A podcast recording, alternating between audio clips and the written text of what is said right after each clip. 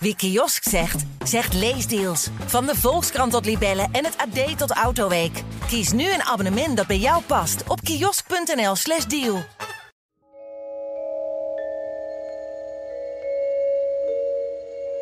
Dus hoe heb jij het gedaan, Elspeth? En dan zeg je, ja, met mijn handen? Nee, Elspeth, niet met je handen. Uh, uh, ga je na te denken, is goed na, Elspeth. Denk eens goed na. Ja, hoe, kan ik nog meer iemand wurgen? Uh, met een touw. Nee, Elspeth, niet met een touw. En zo, op een gegeven moment zeg je, ja, met de telefoonsnoer. Kijk, Elspeth, nu zijn we goed op weg. Met de telefoonsnoer. Dit is Robert Horselenberg. Hij is rechtspsycholoog en docent op de Universiteit Maastricht. Hij weet alles over bekentenissen. Ik zocht hem op op zijn werk. Net hoorde je hoe hij uitlegt hoe je met een sturende manier van vragen mensen van alles kunt laten bekennen. Ook dingen die ze niet hebben gedaan. En er was nog een reden dat ik bij hem langs ging. In 2018 schreef hij samen met een collega een heel kritisch artikel over de omstreden undercover methode Mr. Big. En dan specifiek over de zaak waar ik je in deze aflevering over ga vertellen. Want, zegt hij, Mr. Big kan bijna iedereen een valse bekentenis laten afleggen. Dit is aflevering 3 van Grijs Gebied, een podcast van de Volkskrant. En ik ben Elspeth Stoker, justitieverslaggever. In de vorige twee afleveringen vertelde ik je over de moordzaak van Patrick van Dillenburg. Over hoe de Brabantse Ad verdachte werd en hoe de politie met de Mr. Big-methode doordrong tot de vezels van zijn bestaan. En dat van zijn vriendin Boukje. De politie verzon een fictieve criminele organisatie, werd bevriend met hem, beloofde hem klussen en hoorde hem uit over zijn criminele verleden. Uiteindelijk bekende Ad. Maar daarna heeft hij altijd volgehouden dat die bekentenis niet klopt. Dat hij onder druk van Mr. Big dus een valse bekentenis heeft afgelegd. Zou dat kunnen kloppen? En wat is zo'n Mr. Big bekentenis eigenlijk waard? Daarover hoor je in deze aflevering. Maar dan aan de hand van een andere moordzaak. De zaak van Wim S.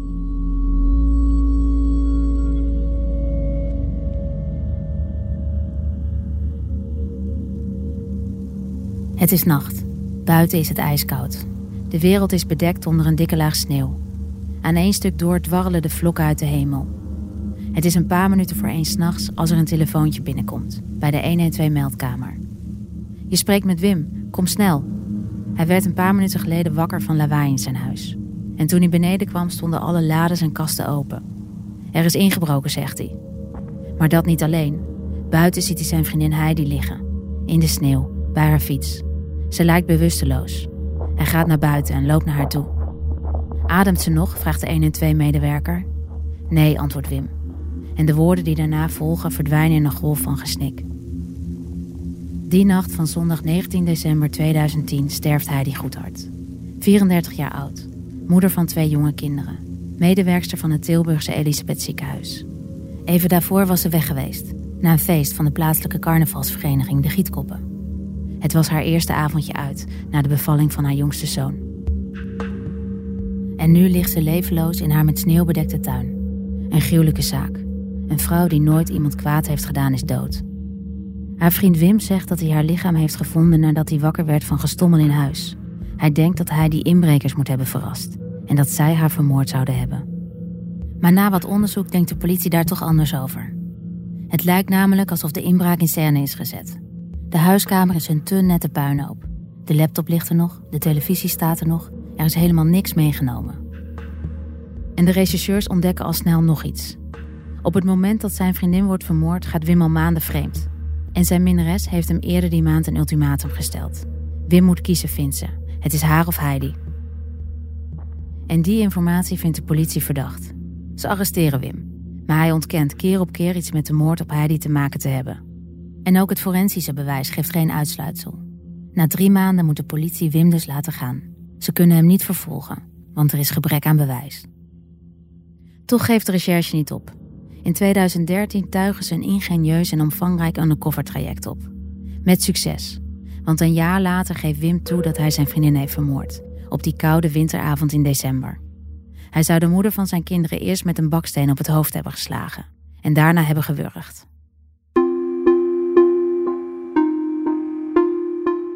Als er één ding is waar ik tijdens mijn werk ben achtergekomen, is het wel dat mensen tot verschrikkelijke dingen in staat zijn. Zelfs als ze van elkaar houden of ooit hebben gehouden. En meestal is het achteraf redelijk duidelijk wat er is gebeurd. Wie wat heeft gedaan.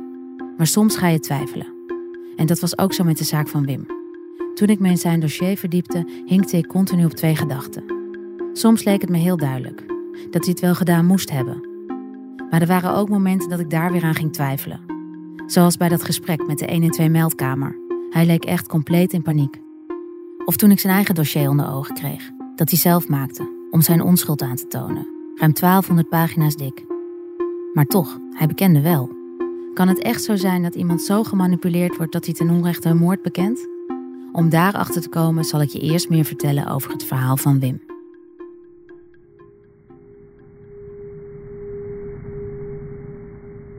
Wim is oorspronkelijk een Vlaming, die inmiddels al jaren in Nederland woont, vlak over de grens in Brabant.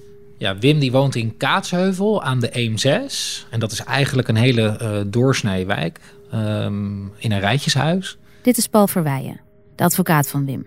Ik heb Wim zelf natuurlijk ook gevraagd of hij wilde komen praten over zijn zaak. Maar dat wilde hij niet. Want op het moment dat ik deze podcast maak, is zijn zaak nog onder de rechter. En die rechter wil hij niet schofferen. En hij kwam moe over toen ik hem aan de telefoon had. Hij vindt dat hij al genoeg media te woord heeft gestaan.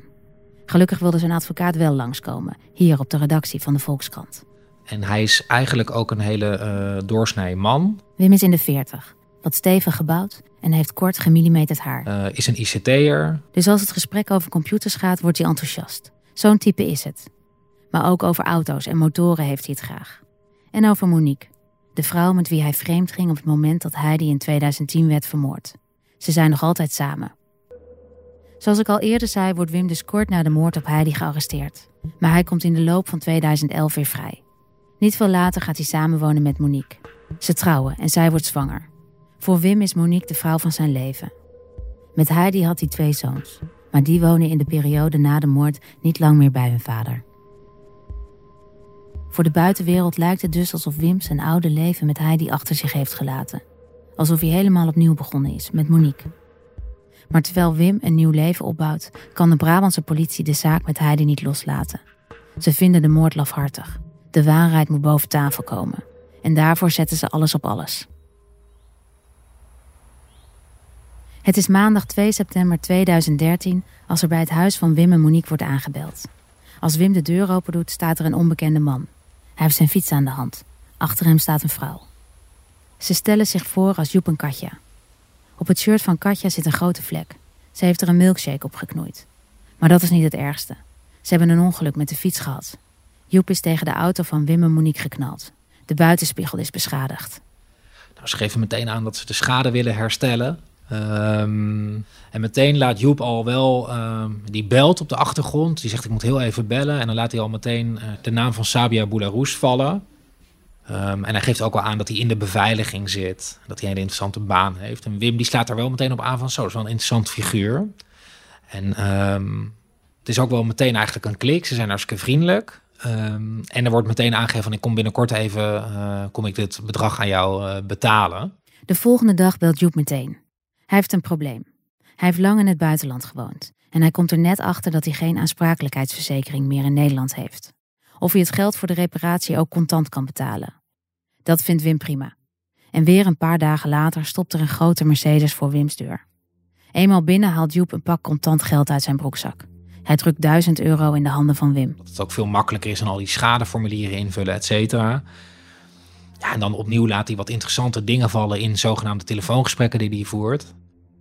En dan vraagt Wim natuurlijk wel van wat doe je eigenlijk? En dan legt hij uit dat hij uh, ja, een groot beveiligingsbedrijf heeft en veel VIP's vervoert. Um, dat hij in mooie auto's uh, celebrities mag rondrijden, et cetera, et cetera. Um, ja, waar Wim wel op aanslaat. Dat is wel een interessant figuur, want Wim is op dat moment gewoon een, een ICT'er en heeft niet een heel bruisend leven. Nou, ze vragen onder andere aan Wim wat hij eigenlijk doet. En dan vertelt Wim dat hij ICT'er is. En uh, Joep die laat al vrij snel duidelijk merken dat er bij hem goed, goed geld verdiend kan worden. Um, en dat ze op zoek zijn naar uh, iemand die een track-and-trace systeem voor zijn bedrijf kunnen maken. En Joep die stelt voor om daar eens een keer over te praten. Gewoon eens te kijken wat de mogelijkheden zijn. Een maand later belt Joep opnieuw. Om eens af te spreken. En om Wim in te huren. En eind 2013 zien ze elkaar weer. Uiteindelijk mag Wim voor tienduizenden euro's een track-and-trace systeem ontwikkelen. voor het bedrijf waar Joep voor werkt. In de tussentijd wordt het contact tussen de twee snel hecht. Ze liggen elkaar goed. Er wordt veel over en weer geappt en gebeld. Wim vindt de wereld van zijn nieuwe vriend wel spannend. En hij is onder de indruk van de dure auto's waarin Joep steeds komt aanzetten. Ze rijden in hele mooie auto's. Uh, daar laten ze Wim ook in rijden. Uh, ze weten dat Wim van hele mooie auto's houdt, daar heel gevoelig voor is.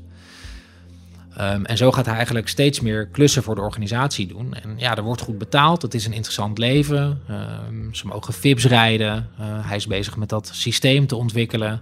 Hij mag af en toe een hele dure auto's rijden. Um, ze weten dat Wim een ontzettende Harley Davidson fan is. Nou, daardoor ze besluiten om bewust een keer twee Harleys te huren, de politie. En laten daar Wim een dag op rondrijden. Ja, en zo wordt het voor hem steeds interessanter om, om bij die organisatie aan boord te komen. Wim is wel gefascineerd door het avontuurlijke bestaan van Joep. Die vertelt hem steeds vaker over de rijke, tevreden klanten die hem en zijn collega's trakteren op prostituees en dure horloges. En hij kan makkelijk en snel geld verdienen bij hem. Na dat track-and-trace systeem wordt hij bijvoorbeeld ook nog een keer gevraagd om een klant van Joep te helpen. Voor een paar honderd euro moet hij een chantabel filmpje wissen van een laptop. Makkelijk verdienen dus. De twee vertrouwen elkaar Joep en Katja steunen Wim en Monique als hun eerste kindje vlak na de geboorte gezondheidsproblemen blijkt te hebben. En Wim en Monique tonen zich op hun beurt betrokken als Joep vertelt dat zijn broer een ernstig auto-ongeluk heeft gehad. En Joep vertelt Wim over zijn geheimen. Hij heeft een zoon bij een andere vrouw. En zijn vriendin Katja weet daar niks van. In de tussentijd lijkt alles voorspoedig te gaan voor Wim en Monique. Ze verwachten hun tweede kindje. Ze hadden het financieel goed. Uh, ze hadden het naar hun zin. Hij had zijn leven goed op de rit. Maar in de zomer van 2014 komt er een eind aan die voorspoed. Opeens stapelen de financiële problemen zich op. Ze hebben op de ruime voet geleefd. Monique moet nog duizenden euro's betalen aan de advocaat voor de scheiding van haar eerste man. En als klap op de vuurpijl stopt van de een op de andere dag Wims vaste opdracht bij een telecombedrijf. Terwijl ze vlak daarvoor nog hadden gezegd dat ze tevreden over hem waren. Wim klust dan al wel wat bij bij Joep. Maar dat is niet genoeg om de openstaande rekeningen van te betalen. Hij zit op dat moment al voor meer dan 55.000 euro in de schulden. En dat betekent dat Wim heel snel een nieuwe opdracht binnen moet halen. Lukt dat niet, dan zakken ze nog dieper in het rood. En dus begint Wim steeds vaker bij Joep te peilen. Of er bij zijn bedrijf geen vacature vrij is. En dan snel laat Joep weten dat Wim inderdaad op gesprek mag komen. Voor een sollicitatie bij zijn baas Philippe in de Spaanse badplaats Marbella. Het is 17 september 2014 rond middernacht als Wim en Joep naast elkaar op een barkruk zitten, in een Spaans café. Eerder die dag zijn ze aangekomen met het vliegtuig. Op een groot scherm is voetbal te zien. Voor hun neus staat een biertje. Joep vertelt over een ex-vriendin die hem probeert te chanteren. Jaren geleden heeft hij een aanrijding veroorzaakt in Duitsland, zegt hij. En daarbij is een vrouw overleden. Zijn baas Philippe heeft dat toen opgelost door een vals alibi voor Joep te regelen. Niemand weet ervan behalve Philippe en de chanterende ex. En nu dus ook Wim. Maar Wim kan hij wel vertrouwen, zegt hij. De volgende avond staat het sollicitatiegesprek bij Philippe op het programma. In een van de luxe villa's van het bedrijf. Hij had schulden van rond de 40, 50.000 euro. En hij vraagt ook, ook in Marbella al de tijd aan Joep van kan ik wat geld van je lenen? Hij geeft ook meerdere keren aan, ik kan aan het eind van de maand mijn vaste lasten niet meer betalen, et cetera. Wim is er dus echt op gebrand die opdracht binnen te halen. Als hem dat lukt, staat hem een riant salaris te wachten. 8000 euro per maand. Weg financiële zorgen. En als fijne bijkomstigheid mag je dan ook de vakantievilla's van de organisatie gebruiken. Wim is wel klaar voor dit nieuwe avontuur.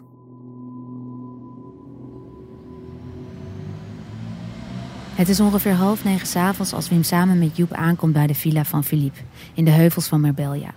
Het ligt prachtig. Twee zwembaden en een mooi uitzicht over de stad. Op het terras zitten al een paar collega's van Joep. En Wim wordt hartelijk onthaald. Het voelt als een feestje. Op de barbecue liggen Spaanse worstjes. En de palmbomen worden verlicht door groene spotjes. Philippe komt iets later aan. Hij loopt op Wim af en zegt: Jij bent de enige persoon die ik hier niet ken. Jij moet dus Wim zijn. Ze schudden elkaar de hand. Eerst krijgt Wim een rondleiding door het huis. Langs de woonkamer, de keuken, de tv-kamer, de fitnessruimte en de sauna. Dan zegt Philippe dat ze nog een gesprek moeten voeren en ze lopen samen naar de woonkamer. Philippe's chauffeur brengt twee glazen water. De schuifdeuren gaan dicht en Wim neemt plaats op de bank. Wim vertelt dat hij een HBO-opleiding heeft afgerond. En dat hij daarna in de ICT is beland. En dat hij altijd goed heeft verdiend. Maar nu is hij klaar met zijn bureaubaan. Hij is klaar voor iets nieuws, iets spannenders. Maar al snel onderbreekt Philippe hem. Mijn intuïtie laat me nooit in de steek, zegt hij. Hij pakt er een mapje bij. Hij heeft goede connecties, zegt hij, ook bij de politie. En hij doet altijd eventjes navraag over zijn sollicitanten. Problemen met justitie kan hij zich namelijk niet veroorloven. Dat is slecht voor zijn bedrijf. Zijn rijke klanten zijn gesteld op hun privacy. En hij wil dus niemand aannemen die in de toekomst misschien nog last krijgt van de politie. Wim beweegt wat ongemakkelijk op de bank. Hij weet waar Philippe het over heeft. Die herhaalt dat zijn gevoel hem nooit in de steek laat. Uit wat er in het mapje staat, heeft Philippe geconcludeerd dat Wim wel bloed aan zijn handen moet hebben. Dat kan niet anders. Maar Wim ontkent. Geef gewoon toe, zegt Philippe. Dan kan hij Wim helpen. Zijn bedrijf kan juist zulke problemen oplossen. Hij kan bijvoorbeeld iemand zoeken die de schuld op zich neemt. Maar Wim blijft ontkennen. En dat ergert Philippe. Als Wim de moord niet bekent, kan hij de baan wel vergeten, zegt hij.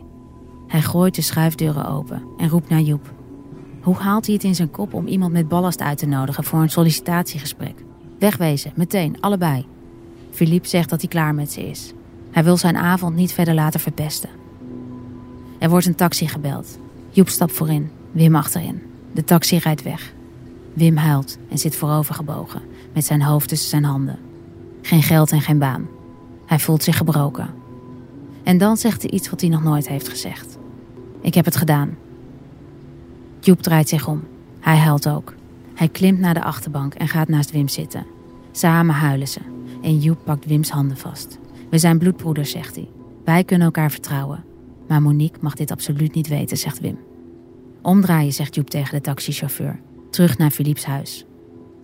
Rond 11 uur die avond staat Wim opnieuw in Philippe's woonkamer. Zijn stem beeft. Dit is het gebed van mijn leven, zegt hij zacht. Ik heb het gedaan. Ik heb haar vermoord. Hij vertelt dat hij Heidi met een baksteen bewusteloos sloeg en daarna wurgde. En dat die baksteen is verdwenen. En dat ook de kleding die hij die nacht droeg nooit meer teruggevonden zal worden.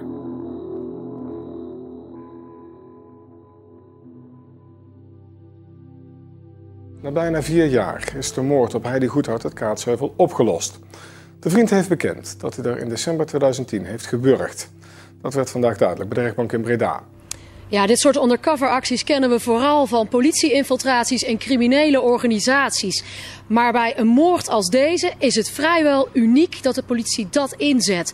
Dat doen ze alleen als ze echt zeker weten dat ze iemand tot een bekentenis kunnen krijgen. Ze zijn heel dichtbij gekomen bij deze man, hebben ze vertrouwen gewonnen en dat heeft geleid tot een prachtige bekentenis. Volgens justitie is de zaak een klinkend succes. In 2016 wordt Wim voor de eerste keer veroordeeld. De rechtbank veroordeelt u voor de moord op Heidi Goedhart tot een gevangenisstraf voor de duur van 18 jaar met aftrek. U zit ernaast. Ik ben er. En ik zal het niet zeggen. Ik ben nog steeds aan het woord. Sorry. 18 jaar dus. Terwijl de rechter het vonnis voorleest, wordt er geklapt en gejuicht op de overvolle publieke tribune van de rechtszaal. In het verdachte bankje schudt Wim keer op keer zijn hoofd. Hij gaat in hoger beroep. Maar in dat hoger beroep, twee jaar later, wordt Wim nog een keer veroordeeld. Het gerechtshof in Den Bosch geeft hem dan zelfs 20 jaar. Volgens het Hof heeft Wim onvoorstelbaar leed toegebracht aan zijn kinderen, die verder moeten leven met de dood van hun moeder en in de wetenschap dat hun vader de dader was. Ook dan wordt er weer geklapt en gejuicht door de nabestaanden. Na afloop vliegen familieleden van hij die betrokken rechercheurs om de hals. Kort na de uitspraak interviewde ik voor de krant een betrokken politiechef. Hij zei toen dat zonder die undercoveractie het nooit was gelukt om Wim te veroordelen. Hij zei dat hij en zijn collega's een gat in de lucht sprongen toen ze in 2014 hoorden over de bekentenis in Marbella. Een echt Eureka-moment. Even lijkt de zaak voorbij. Maar Wim stapt naar de Hoge Raad, de allerhoogste rechter in Nederland. En die oordeelt in 2019 dat zijn zaak toch nog opnieuw moet worden bekeken. Want er worden vraagtekens gezet bij die hele undercover-operatie, op basis waarvan Wim is veroordeeld. Hoe is de bekentenis van Wim precies tot stand gekomen? Hoeveel druk is er eigenlijk op hem uitgeoefend door Joep en Philippe? En is er een kans dat die bekentenis vals is? Uh, hier is iets fundamenteel misgegaan. Uh, ik denk het feit dat het gerechtshof Den Bosch, maar ook eerder de rechtbank die bekentenis heeft gebruikt, dat had juridisch gezien nooit mogen gebeuren. Paul Verweijen, de advocaat van Wim, vindt dat er grote fouten zijn gemaakt. Nou, dat maakt je wel uh, boos. En dan wel professioneel boos. Dus het is niet dat ik op kantoor uh, uh, met ordners loop te smijten, maar wel professioneel boos in de zin van. Dat is namelijk de, de grootste risico van deze hele methode: dat je uiteindelijk een bekentenis verkrijgt waarvan je helemaal niet weet wat het waarheidsgehalte van die bekentenis is. Dat is eigenlijk het grote probleem in een notendop. Hij vraagt zich dus af of de verklaring van Wim wel klopt. Maar wie is er nou zo gek om een moord te bekennen die hij niet heeft gepleegd? Maar we weten uit talloze strafzaken, dan heb ik het echt over honderden strafzaken, Europees gezien bijvoorbeeld, dat mensen toch onder omstandigheden valse bekentenissen kunnen afleggen. En dat kan onder verschillende omstandigheden gebeuren. Het kan bijvoorbeeld gebeuren dat iemand, uh, bijvoorbeeld een zoon, niet wil dat zijn vader heel lang vast komt te zitten. Hè? Dat soort voorbeelden heb je. Maar wat we nog veel vaker zien is dat mensen op een dusdanige manier worden verhoord door opsporingsambtenaren. Onder een dusdanige druk worden gezet dat ze uiteindelijk dingen gaan verklaren die die opsporingsambtenaren op dat moment willen horen, maar die daadwerkelijk niet hebben plaatsgevonden. Er zijn echt talloze uh, voorbeelden van. Hij vertelt dat hij denkt dat Mr. Big iedereen, echt iedereen kan laten bekennen. En zeker als je in een schijnwereld wordt getrokken door undercover agenten. En als je dan terug gaat kijken naar die zaak van Wim, dan is het opvallend dat in dat infiltratie undercover traject, wat ruim 13 maanden heeft geduurd, dat Joep meerdere malen heeft gevraagd aan Wim van, uh, terwijl hij natuurlijk niet wist dat hij met de politie sprak van, joh, ik heb wel gehoord dat je, dat je verdachte bent geweest in die zaak, heb je daar wat mee te maken? Dat hij zeer stellig bij zijn ontkenning bleef. En ja, dat zinde de politie niet, want het traject werd ingezet. Dat, geven ze ook wel toe van om een bekentenis um, te verkrijgen. Paul vertelt me uitgebreid over het verhaal van Wim. Hoe hem in Marbella allemaal luxe huizen en auto's werden voorgehouden. Hoe hem een gigantisch salaris werd beloofd terwijl Wim diep in de schulden zat. Hoe Wim bleef vragen of hij wat geld van Joep kon lenen. Hoe Wim werd verteld dat de organisatie van Philippe al veel vaker moorden had weggepoetst. En dat het allemaal niet zo erg was. Kortom, Paul Verweijen vindt dat Wim veel te veel gepusht is om te bekennen. Alles wordt gebagatelliseerd. Eigenlijk worden alle drempels om te bekennen worden weggehaald. Uh, er wordt nog een keer benadrukt dat hij zelf ook zijn, zijn baan gaat verliezen. En vanaf dat moment begint Wim te bekennen. Hij zegt dat uit wetenschappelijk onderzoek blijkt dat zo'n werkwijze juist de risico's op een valse bekentenis vergroot. Er waren voor Wim alleen maar voordelen om te bekennen, zegt hij. Mr. Big, heb ik al wel eens gehoord, laat iedereen bekennen. Dat jij en ik en de luisteraars ook onder deze omstandigheden iets zouden kunnen, kunnen bekennen wat ze niet hebben gedaan.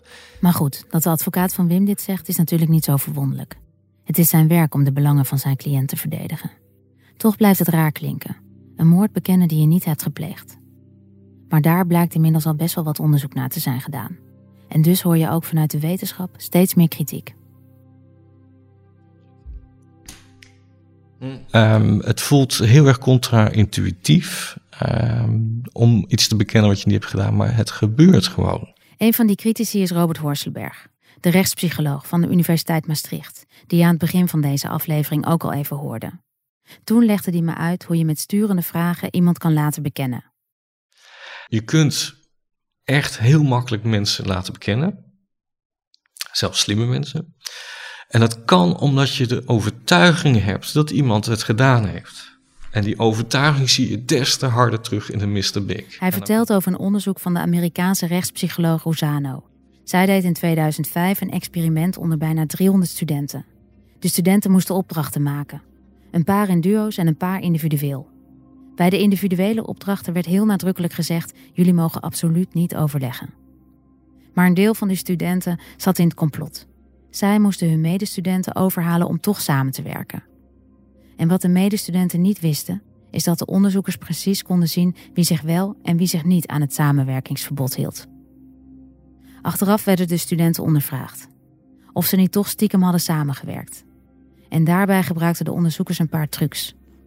Zo werd het delict geminimaliseerd, wat betekent dat ze dus zeiden dat het allemaal niet zo erg was als ze wel hadden overlegd. Of ze boden een oplossing, zo van: als je wel hebt samengewerkt, dan regelen we het wel. Dat probleem lossen we wel op. En wat bleek?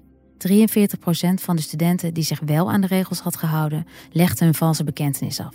Ze zeiden dus dat ze hadden samengewerkt, terwijl ze dat helemaal niet hadden gedaan. Dus kennelijk gebeurt het. Met behulp van een paar trucs bekennen mensen dingen die ze niet hebben gedaan. Maar goed, in dit experiment wisten de onderzoekers precies wie een valse bekentenis heeft afgelegd en wie niet. En zo werkt het natuurlijk niet in de echte wereld. Hoe kan de politie nou weten of iemand een valse bekentenis aflegt? Daar moeten dus ingrediënten in zitten die kloppen. Uh, met wat er in het dossier zit. Hè. Dat noemen ze dan inderdaad de daderkennis. Maar het moet, moet veel meer dan alleen dat zijn. En het moet niet bijvoorbeeld zijn van. Um, dan denk ik dat ik met een baksteen haar op de hoofd heb geslagen. Ik geloof dat ik daarna heb ik haar gewurgd. Ja, dat is niet hoe het geheugen werkt. Hè. Het, mijn, mijn verhaal over mijn vakantie vorig jaar was niet van... Goh, ik was in de Bourgogne en ik denk dat ik toen wel naar een wijnhuis ben geweest. Ja, en ik geloof dat ik toen ook wijn heb gekocht. Dat is niet hoe je een autobiografische herinnering ophaalt.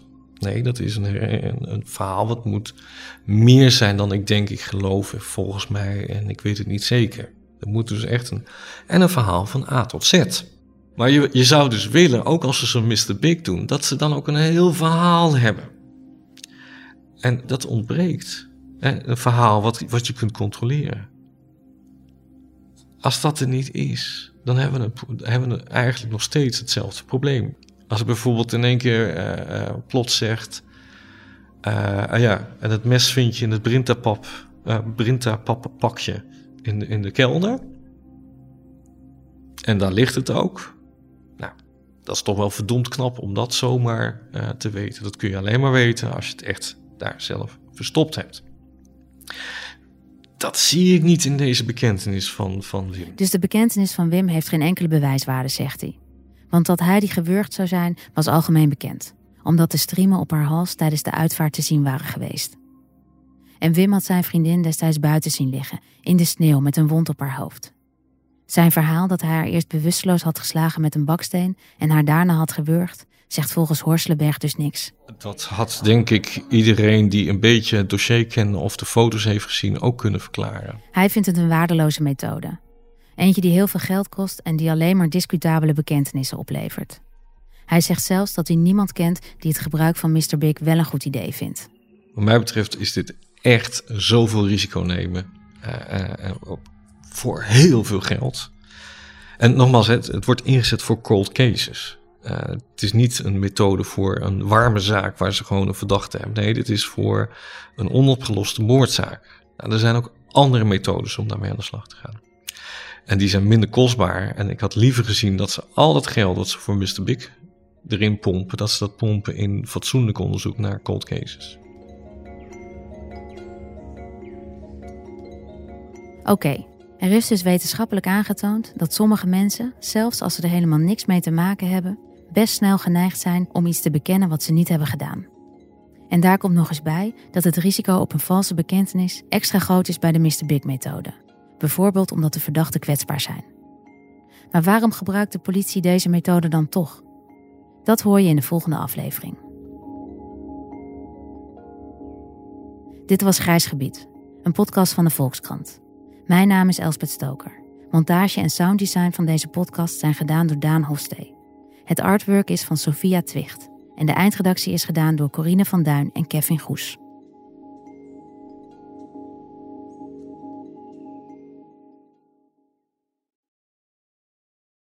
Wie kiosk zegt, zegt leesdeals. Van de Volkskrant tot Libellen en het AD tot Autoweek. Kies nu een abonnement dat bij jou past op kiosk.nl/slash deal.